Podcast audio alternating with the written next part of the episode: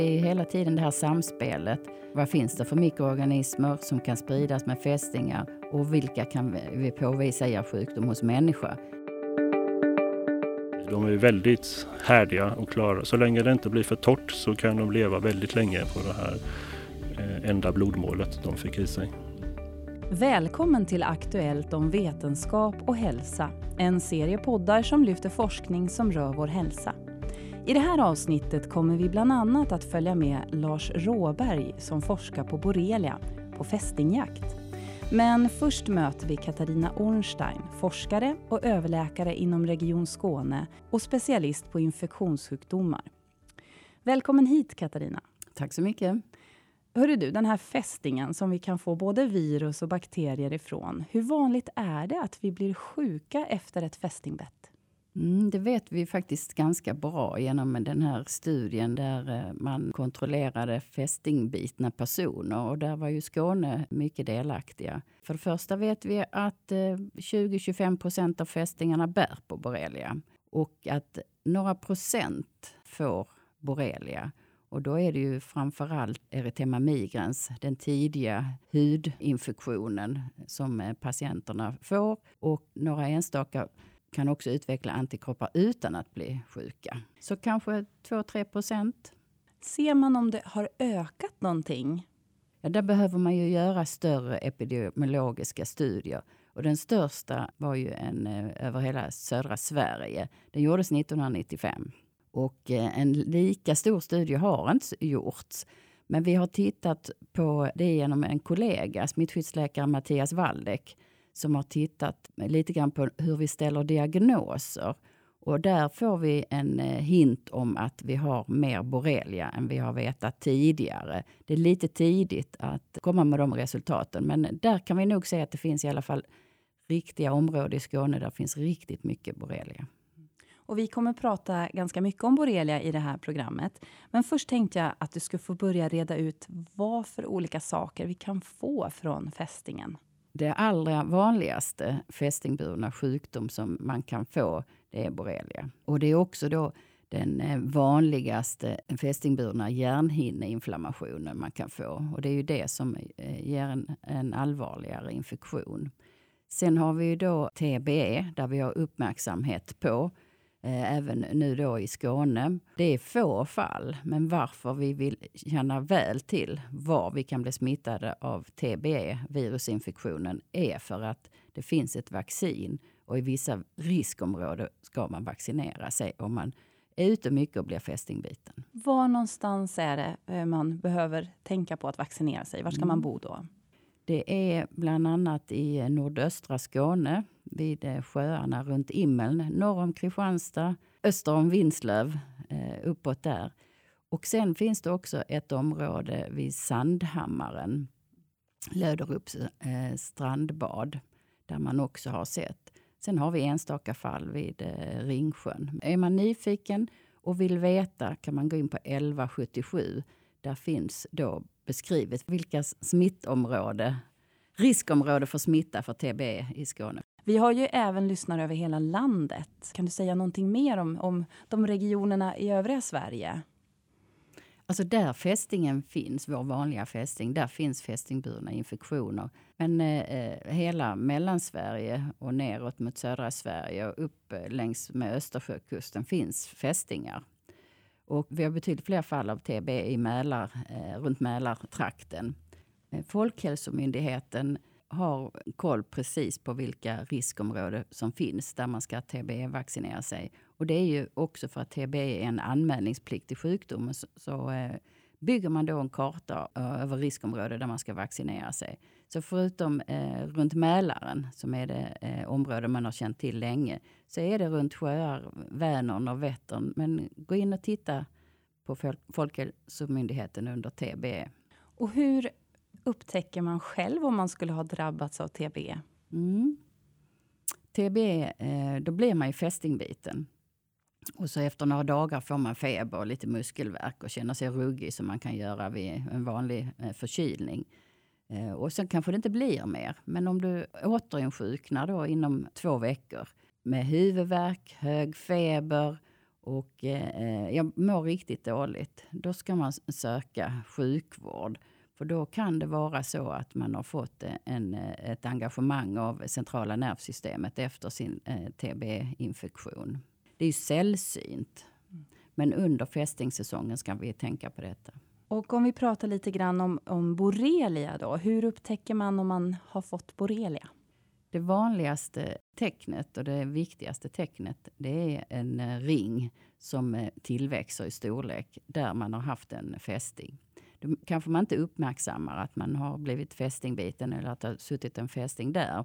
Men man vet ju ofta man är ute i fästingområden Och den brukar komma eh, efter en vecka till fyra veckor. Och då ska man söka sin distriktsläkare så får man penicillin och då går inte infektionen vidare. Men alla människor märker inte att de blir fästingbitna och märker inte att man får ett hudutslag. Och det är då eh, borreliabakterien kan sprida sig från huden. Och då den näst vanligaste infektionen är alltså hjärnhinneinflammation, neuroborrelios. Och sen kan det också sprida sig till eh, leder, vilket är mindre vanligt. Det här då när eh, borreliabakterien sprider sig till centrala nervsystemet, då får man ju huvudvärk och du må, kan må illa. Men du är inte sjuk som om du har eh, en allvarlig form av hjärnhinneinflammation. Så det kan också vara lite lurigt att man bara tycker man är lite hängig.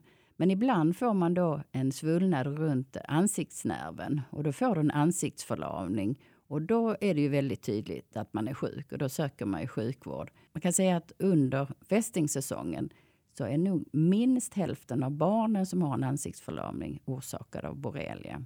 Så det är också ett, eh, ett tydligt tecken på en borreliainfektion. Vad gör du som infektionsläkare? Hur utreder du om någon har fått det? Räcker det med symptomen eller måste ni ibland göra andra saker? när man ställer en diagnos, eh, och det spelar egentligen inte roll vilken infektionsdiagnos, men då lyssnar man ju på patienten. Patienten berättar sin historia och då plockar man ju upp att är det möjligt att patienten har blivit fästingbiten? Vet patienten att de har blivit fästingbiten? Var i så fall? Och finns det ändå ett hudutslag som patienten inte har uppmärksammat?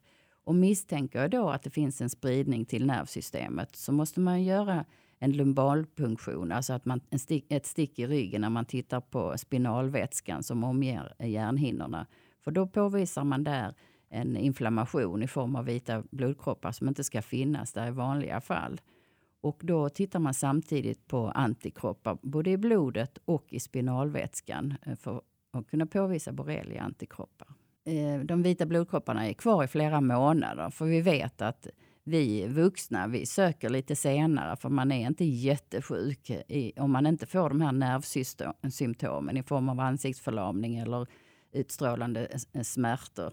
Så eh, kan det dröja kanske eh, 6, 10, 12 veckor innan man verkligen söker och tänker att nej, men det är någonting som inte är bra. Och, och ju tidigare man eh, söker och ju tidigare man får behandling, ju snabbare tillfrisknar man. Så att de vita blodkropparna bör finnas kvar.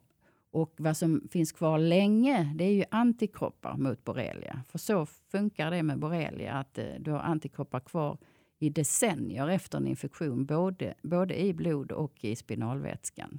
Kan man få bestående men av borrelia? Tidigare när vi inte hade diagnostik, och det är ju inte så himla länge sedan, för man upptäckte ju eh, vår vanliga borreliabakterie i slutet på 70-talet. Så det var inte förrän i, början, eh, i mitten på 80-talet, som vi hade, alltså 1980-talet, som vi hade bra eh, diagnostiska metoder. Så då var det ju så att en del människor gick med långdragen obehandlad borrelia. Om du då inte får de här tydliga tecknen med ansiktsförlamning, då får du en uttalad trötthet, du kan gå ner i vikt, du kan få de här kroniska hudförändringarna. Men om man då behandlar patienten även sent så avstannar infektionen. Men de här personerna kan ha lång tid att läkas. Och sen är det också lite personligt. Som vid alla infektioner som engagerar centrala nervsystemet. Det kan vara virusinfektioner, det kan vara bakterier att man ska ha stor respekt för det och man ska ha stor respekt för eh, tillfrisknandet. Att det kan ta längre tid. Man kan vara konvalescent en längre tid. Men infektionen går ju inte vidare efter behandling och det är ju viktigt att känna till. Och den är lätt att behandla vid borrelia, eller hur? Det är lätt att behandla borrelia-bakterien, att den eh, går bort. Sen har vi olika immunologiska svar som man ju har intresserat sig väldigt mycket för. För att vissa individer får lite längre tids besvär. Eh, men det viktiga är att infektionen går inte vidare. Annars vad man ser med borrelia det är om du har ledinflammation. Där vet man att du ska behandla med eh, antibiotika och eh, en del, kanske någon procent av de som får en ledinflammation till exempel i knät, som är det vanligaste, de eh, kommer att få långdragna symptom där du kanske behöver kortisonbehandling i knät. Du kanske behöver operera bort den här eh, eh hinnan som omger eh, knäleden som då kan vara väldigt inflammerad och svullen och det gör ju ortopederna eh, noga. Så, och då brukar infektionen definitivt eh, försvinna på de här patienterna som har haft en långdragen eh, borrelia-infektion i knä det här att man behandlar med antibiotika, då kanske man börjar fundera lite grann på det här med resistens. Har man sett någon resistens vad det gäller eh, borrelia? Nej, eh, det är ju inte så många människor som behandlas för borrelia. De flesta får ju vanligt penicillin eftersom hudborrelian är den vanligaste. Och sen är det ju inte så, vi sprider ju inte borrelia vidare så därför kan vi inte heller sprida någon resistens. Så svaret är nej, det finns inte utvecklad resistens på borrelia vad vi känner till. Vi kommer att fortsätta prata om fästingburna infektioner och vad forskarna arbetar med för att hitta nya sätt att behandla sådana med. Men först ska vi ta oss ut på fästingjakt. Jag följde med forskaren Lars Råberg ut till Revingehed strax utanför Lund för att lära mig mer om fästingen. Min känsla är att man får mest fästingar eh, tidigt på morgonen och sent på kvällen när det är sådana här fina sommardagar. De är känsliga för uttorkning så jag kan tänka mig att de inte vill vara uppe och krypa runt. Är man närmare kusten på Österlen eller och ännu hellre i Blekinge så är det ju betydligt mycket mer fästingar. Mm. Där på den här sträckan om man drar flakan så här 25 meter så kan man ju få 100 fästingar kanske. Ja, det är amerikaner som har hittat på det här. De kallar det för att flogga.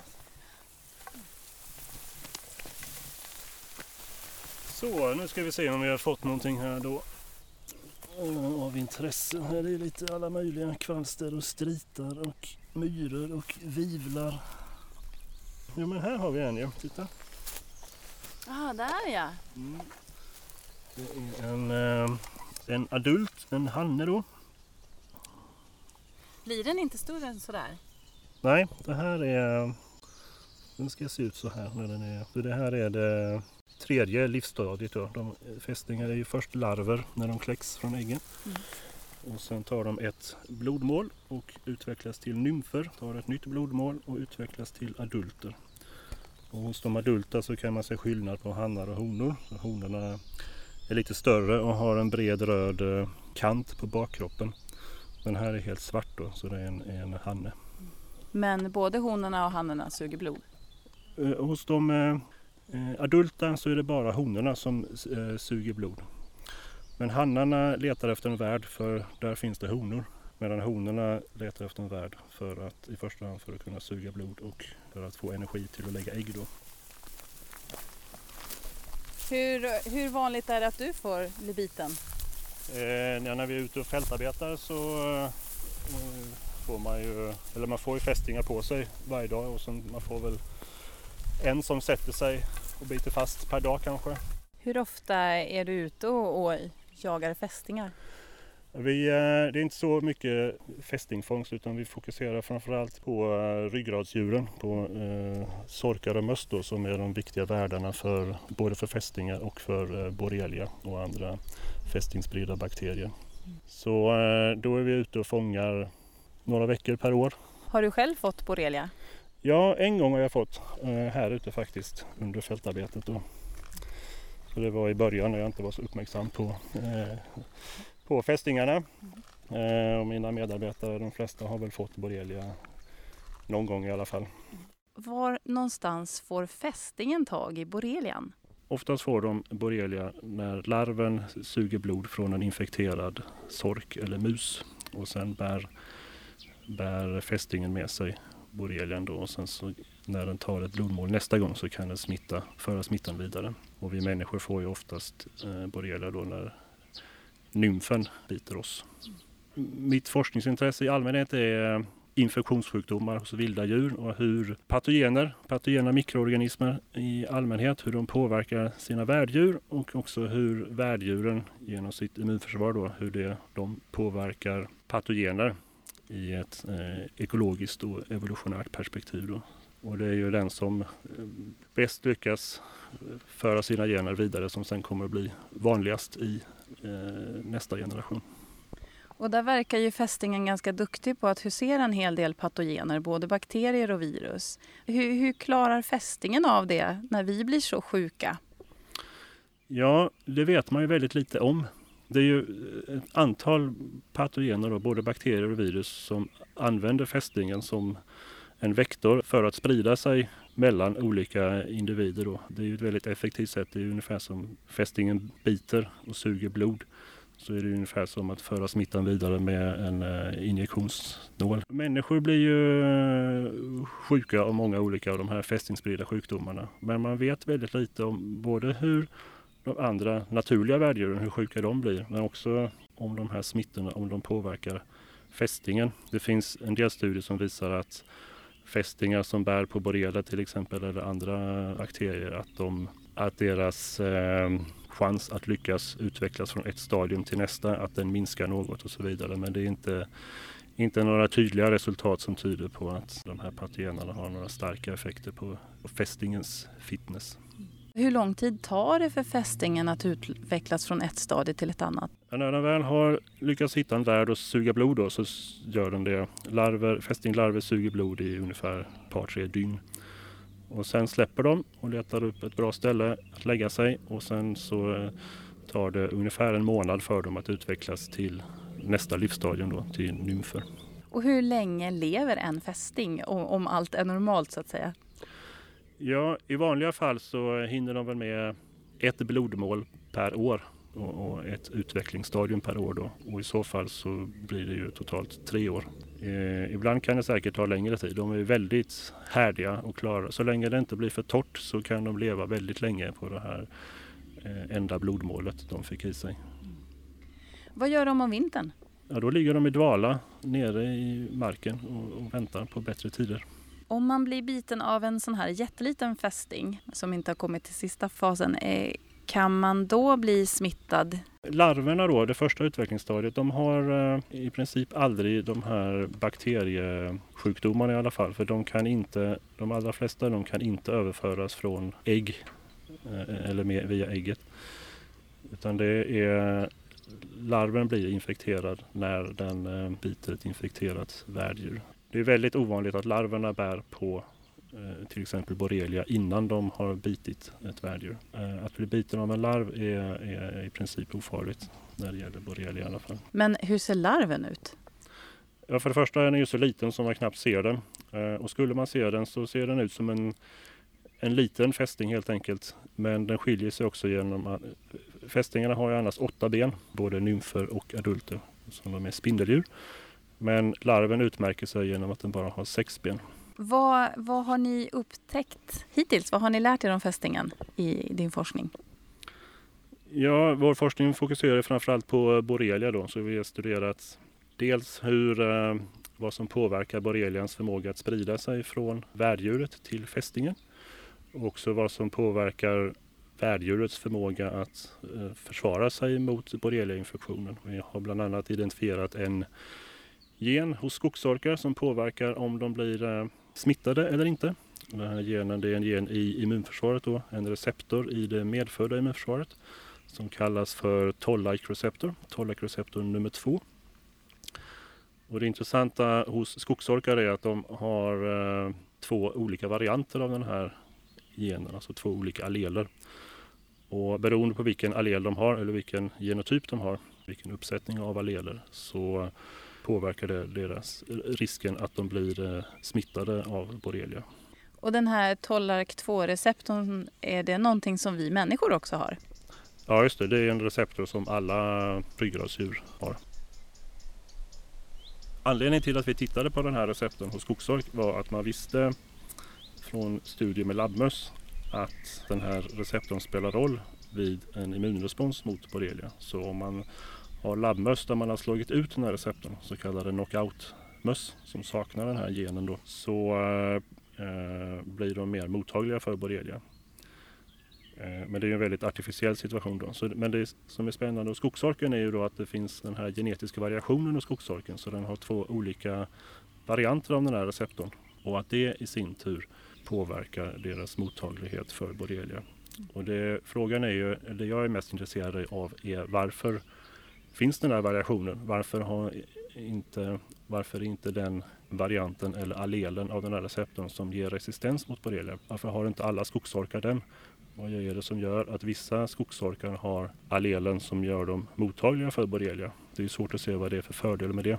Men det, eftersom de här två varianterna förekommer i ungefär 50-50 frekvens så måste det vara någon slags fördel med att ha den här allelen som ger mottaglighet för borrelia. Så frågan är vad det är då. Och en möjlighet är ju då att den, den ena allelen ger resistens mot borrelia och den andra allelen kanske ger resistens mot någon annan patogen beroende på vilken patogen som är vanligast på ett visst ställe eller vid en viss tidpunkt så gynnas skogsorkar som har antingen den ena eller den andra allelen. Och på det här sättet kan den här genetiska variationen bibehållas. Då. Ni har också upptäckt eller hittat en, eh, en annan patogen i, hos fästingen. Berätta! Mm, det var min eh, tidigare doktorand Martin Andersson. Hans doktorandprojekt handlade om borrelia men han eh, nöjde sig inte riktigt med det utan han letade efter andra fästingspridda bakterier hos våra sorkar också. Och eh, han var framförallt intresserad av att se om de hade en som kallas för anaplasma som är en känd fästingspridd bakterie. Så han eh, screenade helt enkelt ett blodprov från sorkar och möss eh, för att se om de bar på anaplasma. Det hade de inte, men han hittade något annat. Något som är relativt nära släkt med anaplasma då. Och som var en relativt okänd bakterie som faktiskt inte tidigare var hittad i Sverige. Den här bakterien kallas för Neoelichia och den var känd från bland annat Japan där den har namngetts. Och det fanns också ett par fynd i eh, Centraleuropa. Eh, men det visade sig att den var relativt vanlig här hos våra sorkar. Så ungefär 10% av skogsorkarna här på Revingehed är smittade med den här bakterien. Och det här var för eh, några år sedan och i precis i samma veva så eh, var det första humana fallet av eh, en sån här infektion i Sverige. Det var en äldre man i Göteborg som eh, blev allvarligt sjuk under sommaren där och det visade sig till slut att han var smittad av just den här bakterien. Och sedan dess så har det varit eh, flera nya fall i Sverige och också eh, ett antal nya fall i andra länder i Europa av den här bakterien.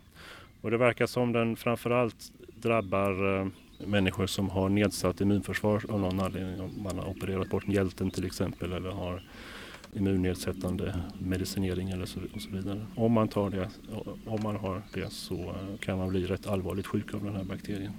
Skulle man rent teoretiskt kunna tänka sig att göra sig av med alla fästingar? Eller är de bra för någonting också?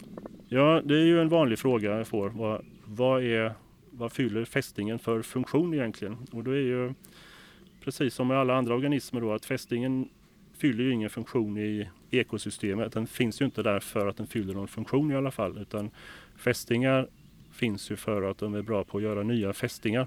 Och precis som det är med alla andra organismer så finns de i första hand för att de är bra på att göra kopior av sig själva.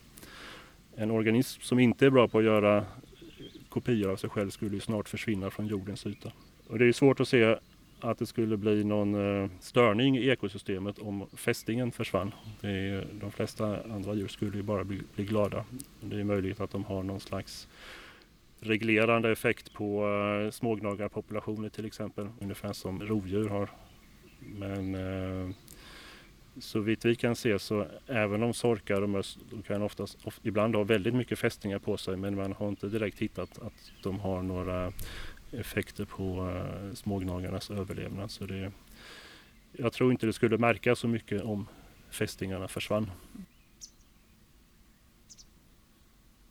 Den här forskningen är ju i första hand grundforskning men någonstans hoppas man ju att den ska vara till någon form av nytta också. En sak som vi håller på med nu är att titta på olika smågnagararter och jämför eh, deras resistens mot borrelia. Och det har visat sig att när vi jämför skogsorkar och skogsmöss så har eh, de här två, det är två vanliga smågnagararter som finns i samma miljö och stöter på lika mycket fästingar och lika mycket borrelia. Men när vi mäter hur mycket borrelia de har när de är infekterade så visar det sig att skogsmössen i genomsnitt har eh, tio gånger mindre borrelia i kroppen när de är infekterade. Så intensiteten på infektionen är mycket lägre hos skogsmössen. Det vill säga de är mer resistenta mot bakterien. Och det vi håller på med nu då är att försöka ta reda på vad det är för mekanismer som gör dem mer resistenta. Och i förlängningen så vill vi också eh, undersöka om vad det är för samband mellan eh, intensiteten på infektionen och hur, vilka patologiska effekter den har. Oftast tänker man sig att om en, eh, en infektion är mer intensiv, alltså att patogenen förökar sig mer och det blir fler patogener i kroppen så blir man också mer sjuk. Men det behöver inte vara så för ibland, ofta så är det ju, blir man ju sjuk av immunresponsen mot patogenen. Så det vi vill undersöka här genom att jämföra sorkar och skogsmöss är, är, är det skogsmössen har, är mer resistenta och de har mindre intensiva infektioner. Men är de också friskare då? Eller kan det tvärtemot vara så att den här starkare immunresponsen som det antagligen rör sig om då kan det, kan det göra att de blir sjukare kanske än skogsorkarna som har mer bakterier. Tack så mycket Lars Råberg, docent och lektor i biologi vid Lunds universitet för att du tog dig tid att lära oss mer om fästingen. Nu ska vi tillbaka till Katarina Ornstein för att höra mer om hennes forskning på borrelia. Katarina Ornstein, du forskar ju också på borrelia och är expert på det. Kan du berätta vad du söker för svar? Det som jag har intresserat mig mest för det är kanske att påvisa att borreliabakterien verkligen finns hos patienten. Och det börjar ju med att vi eh, på 90-talet odlade fram borreliabakterien från patienter som hade då hudborrelia och eh, hjärnhinneinflammation orsakad av borrelia. Att odla bakterier är väldigt roligt men det är tålamodsprövande och bakterien växer ver verkligen långsamt. Man eh, tittar i mikroskop. Den är ju en spiralformad eh, rolig bakterie som rör sig. Men det kan man inte använda i rutindiagnostik för det kan ta upp mot 7, 8, 9 veckor innan borreliabakterien syns. Så därför finns det då eh, modernare teknik där man påvisar eh, genetiskt material, alltså arvsmassa från borreliabakterien. Och det kan man göra med så kallad PCR-teknik. Och eh, den tekniken har då funnits och utvecklats på klinisk mikrobiologi här i Lund eh, sedan tio år tillbaka.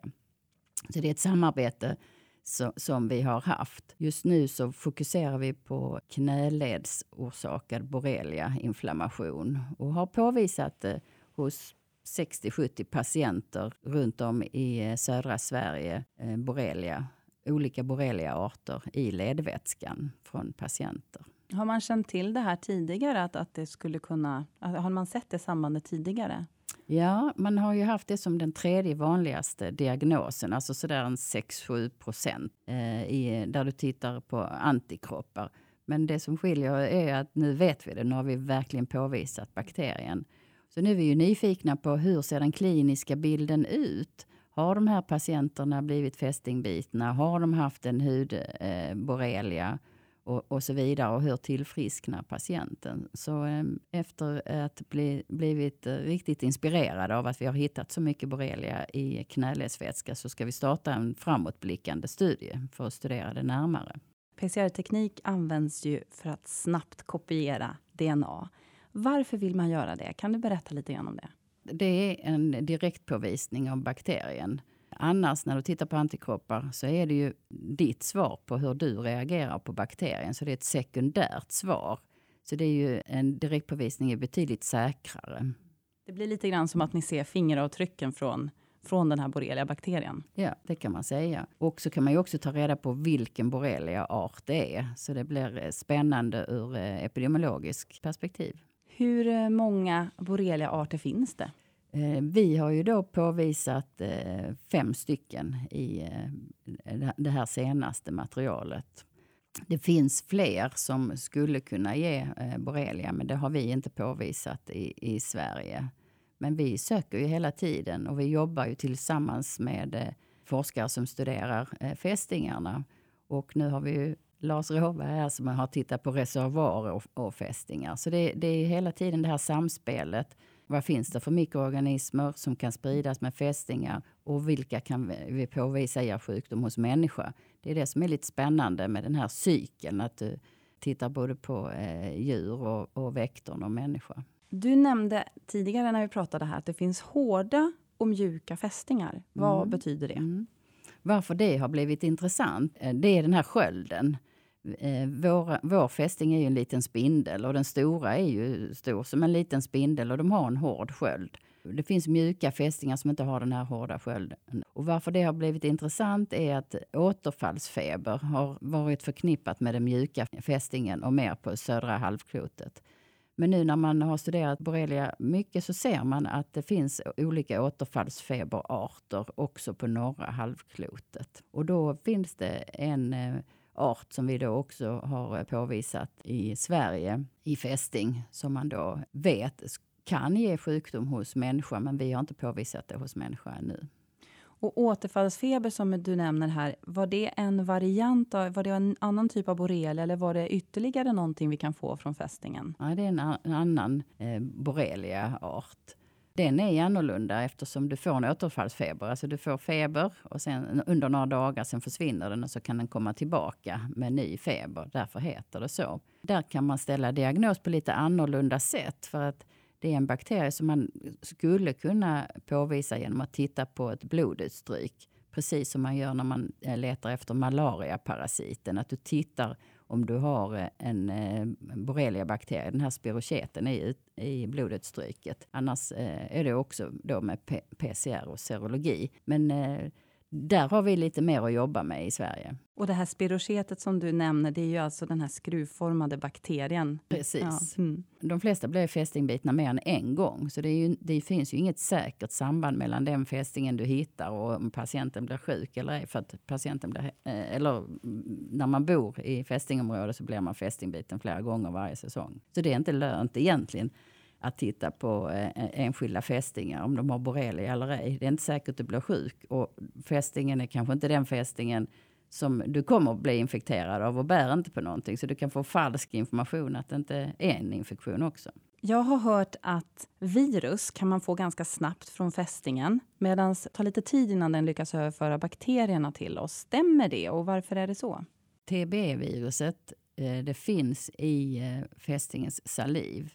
Så när fästingen eh, ligger där mot huden och, och eh, tar sitt blodmål så utsöndras TBE-viruset direkt i eh, saliven och når alltså tidigare.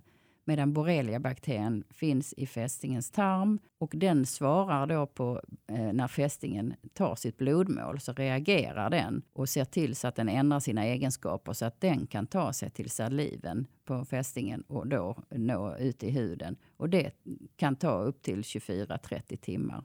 Så det är därför man säger att man ur borreliasynpunkt kan ta bort fästingen Satsar man mer på att forska kring de här sjukdomarna? Det finns ju ett stort intresse nu med klimatförändringen, att vi faktiskt har ett varmare klimat. Eh, fästingssäsongerna blir längre, eh, det går längre upp i, i Sverige och Skandinavien. Fler kommer ju då bli fästingbitna. Eh, vi får ju då våra medel från Region Skåne och så är vi också med i ett e EU-projekt, Scantic Innovation, som engagerar Öresund, Kattegatt och Skagerrak, alltså ÖSK-regionen. Och det som är bra med, frånsett att man får finansiering, det är att man samarbetar många olika eh, forskare tillsammans med olika bakgrund. Du har ju då eh, mikrobiologer, du har eh, läkare, du har infektionsläkare, du har eh, entomologer, du har naturvetare, alla möjliga. En del intresserar sig för rådjuren, en del intresserar sig för fästingarna och vi försöker fokusera på människan.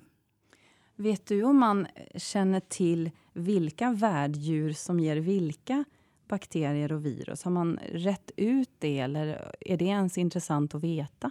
Jo, det är väldigt intressant att veta. Framförallt då hur man kan förebygga infektion hos människa. Ofta är det gnagaren som är alltså små möss och sorkar i naturen som, där bakterierna kan överleva. Och troligen är det så med TBE-viruset också. Och sen, eh, man vet inte allt, men eh, gnagaren, del sjöfågel För det, det, har ju med, med fästingens liv att göra. Var, var vill fästingen suga blod? För det är ju så den sprider sig. Finns det några bakterier och virus hos fästingen som vi inte får? Ja, absolut. Nu med ny teknik eh, där du tittar på arvsmassan från virus och bakterier. Så eh, det finns eh, ett 30-tal olika mikroorganismer beskrivna i fästingar. Men en del av de eh, mikroorganismerna är ju säkert betydelsefulla för att fästingen ska leva. Precis som vi är ju beroende av att vi har vår bakterieflora i tarmen för att överleva. Så då, alla mikroorganismer ger ju inte sjukdom hos människan för att fästingen har det. Hur tar man bäst bort en fästing? Man har hört om allt möjligt. Det är bensin, det är smör och det är vrida medurs, moturs. Har du något råd? Fästingen sitter fast med hullingar. Så man ska dra rakt upp. Och man behöver inte ha några andra förberedelser än en bra nypa eller en pincett. Och sen finns det ju fästingborttagare på apoteket som faktiskt är ganska bra. Och så tvätta med tvål och vatten efter. Och hålla uppsikt, så se om det kommer någon hudreaktion. Det pågår ju en debatt om det här med att en del vill ge långa antibiotikakurer. Bland annat i Tyskland så, så finns det en del läkare som ger riktigt långa antibiotikakurer. Eh, men det är inte du så positiv till? Vi som jobbar med patienterna, vi, vi känner ju igen eh, en borreliainfektion och vi diagnostiserar den och vi behandlar den. Och eh, vi vet att en del patienter, framförallt då när du haft engagemang av nervsystemet, behöver en längre tids eh, rehabilitering. Vi oroas ju inte för att borreliabakterien ska finnas kvar. De här eh, centerna som eh, finns framförallt i, i Tyskland, där har man eh, andra diagnostiska metoder. Man ställer diagnos mer på symptom och du har en helt annan behandlingsstrategi som inte är förenad med vetenskap och beprövad erfarenhet. Jag har mött flera personer som är förtvivlade, som jag då tror att de får behandling för en borreliainfektion, men de har ingen borreliainfektion. Och eh, man behöver göra något annat med de här patienterna. Och dessutom kan ju patienterna ha något helt annat än en fästingburen infektion. Är det så att, att egentligen så räcker det med den antibiotikakuren man får här, för det tar död på borrelia, bakterien. Men just det här att symptomen kanske tar lite tid att bli av med, det kanske gör patienten lite osäker. Är det det det handlar om? Så är det klart. Har jag varit helt frisk innan och kanske gått och dratt på en eh, eh, borreliainfektion som faktiskt har varit en hjärnhinneinflammation i kanske två, två och en halv månad så kommer jag inte vara helt frisk efter två veckors behandling med antibiotika. Men bakterien kommer att vara död. Men jag har längre tids konvalescens efter det. En, eh, det är inte som halsfluss, att du blir frisk inom två dagar. Det här med att en del människor verkar vara något av fästingmagneter. Det är, man vet att den här personen får ofta många fästingbett. Är det så eller är det bara någonting man inbillar sig? Ja, det är jätteintressant. Eh, framförallt då om man kunde hitta någonting som eh, att alla kunde lukta lika illa ur fästingsynpunkt så att man inte blir fästingbiten. För så berättar ju många familjer att är det fem personer i familjen så kanske det är två som aldrig blir fästingbitna. Så det är ju de som är intressanta. Vad är det de kanske utsöndrar i, i sitt eh, svett eller så som för fästingen reagerar på dofter och eh, rörelse, temperatur. Vad hoppas du att din forskning och andras forskning ska leda till? Framförallt då när det gäller eh, knäledsorsakad inflammation, att vi har en klar bild över hur det ser ut, att de här patienterna får behandling tidigt så att man inte får de senare formerna. Och sen kommer vi tillsammans med andra forskare att veta mer om fästingburna infektioner, hur vi ska förebygga det och hur vi, hur vi ska diagnostisera med, med bättre metoder kanske vi får till så att vi kan göra större behandlingsstudier.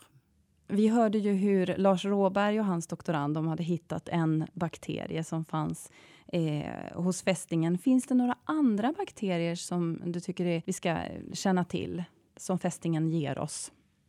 Mm, vi pratade ju om återfallsfeber borrelian och då skulle jag också vilja nämna en eh, anaplasma-liknande eller rickettsia-liknande bakterier som eh, man har sett hos fästing och även påvisat hos några patienter i Göteborgstrakten så, eh, som eh, har ett väldigt komplicerat namn, men någon form av eh, ny eh, eh neo-alicia bakterie. Och eh, precis som med många andra eh, infektionssjukdomar, så de som blir mest sjuka, det är patienter som redan har ett sänkt immunförsvar. Så just med den här eh, nyhittade eh, bakterien eh, Eh, har man sett då hos patienter som är med väldigt eh, påverkat immunförsvar, alltså dåligt immunförsvar, cancerpatienter och så vidare. Då kanske vi också ska nämna att det faktiskt finns en malarialiknande parasit som heter babesia som är rätt så stor inom eh, veterinärmedicinen, alltså att djur insjuknar. Den är väldigt ovanligt, ovanlig hos människa Eh, men det finns enstaka fall och det, de, de senaste fallen har då varit hos patienter med sänkt immunförsvar eller när mjälten är bortopererad som är viktig i immunförsvaret. Och den påvisar man alltså genom blodutstryk. Eh, den infekterar röda blodkroppar. Eh, den är väldigt sällsynt men det finns också. Kan man tänka sig på sikt att man just tar fram vaccin med de här olika bakteriestammarna som man då till exempel kan ge till människor med nedsatt immunförsvar? Mm, det är en vetenskap för sig själv hur man vaccinerar personer med nedsatt immunförsvar. Ja, jag, jag, tror att man har mycket att hämta genom att förebygga fästingbett och lära oss mer om eh, effektiva metoder att förebygga fästingbett. Nu har vi ju hört väldigt mycket här om, om farorna med fästingen, så man kan ju nästan bli lite nervös för om man ska ens våga ut och gå på ängarna. Ska man vara orolig? Alltså, det är ju väldigt många eh, som bor ute i fästingområden och de flesta trotsar ju detta. Och då, eh, jag tror att det är effektivt att hålla koll på fästingarna. Ta bort dem så fort som möjligt och kolla en extra gång på kvällen. Och blir man sjuk så får man eh, söka sjukvård. Så håll ett litet vakande öga om du hittar de här fästingarna. Så se till att du gör dig av med dem så fort som möjligt och var uppmärksam därefter. Tack så jättemycket för att du ville komma hit, Katarina Ornstein. Det var trevligt att höra. Tack så mycket. Vi kommer att på vår hemsida vetenskaphalsa.se lägga upp länkar och lite annan värdefull information om du vill veta mer om fästingen och virus och bakterier som den kan ge till oss. Tack så mycket för att ni lyssnade.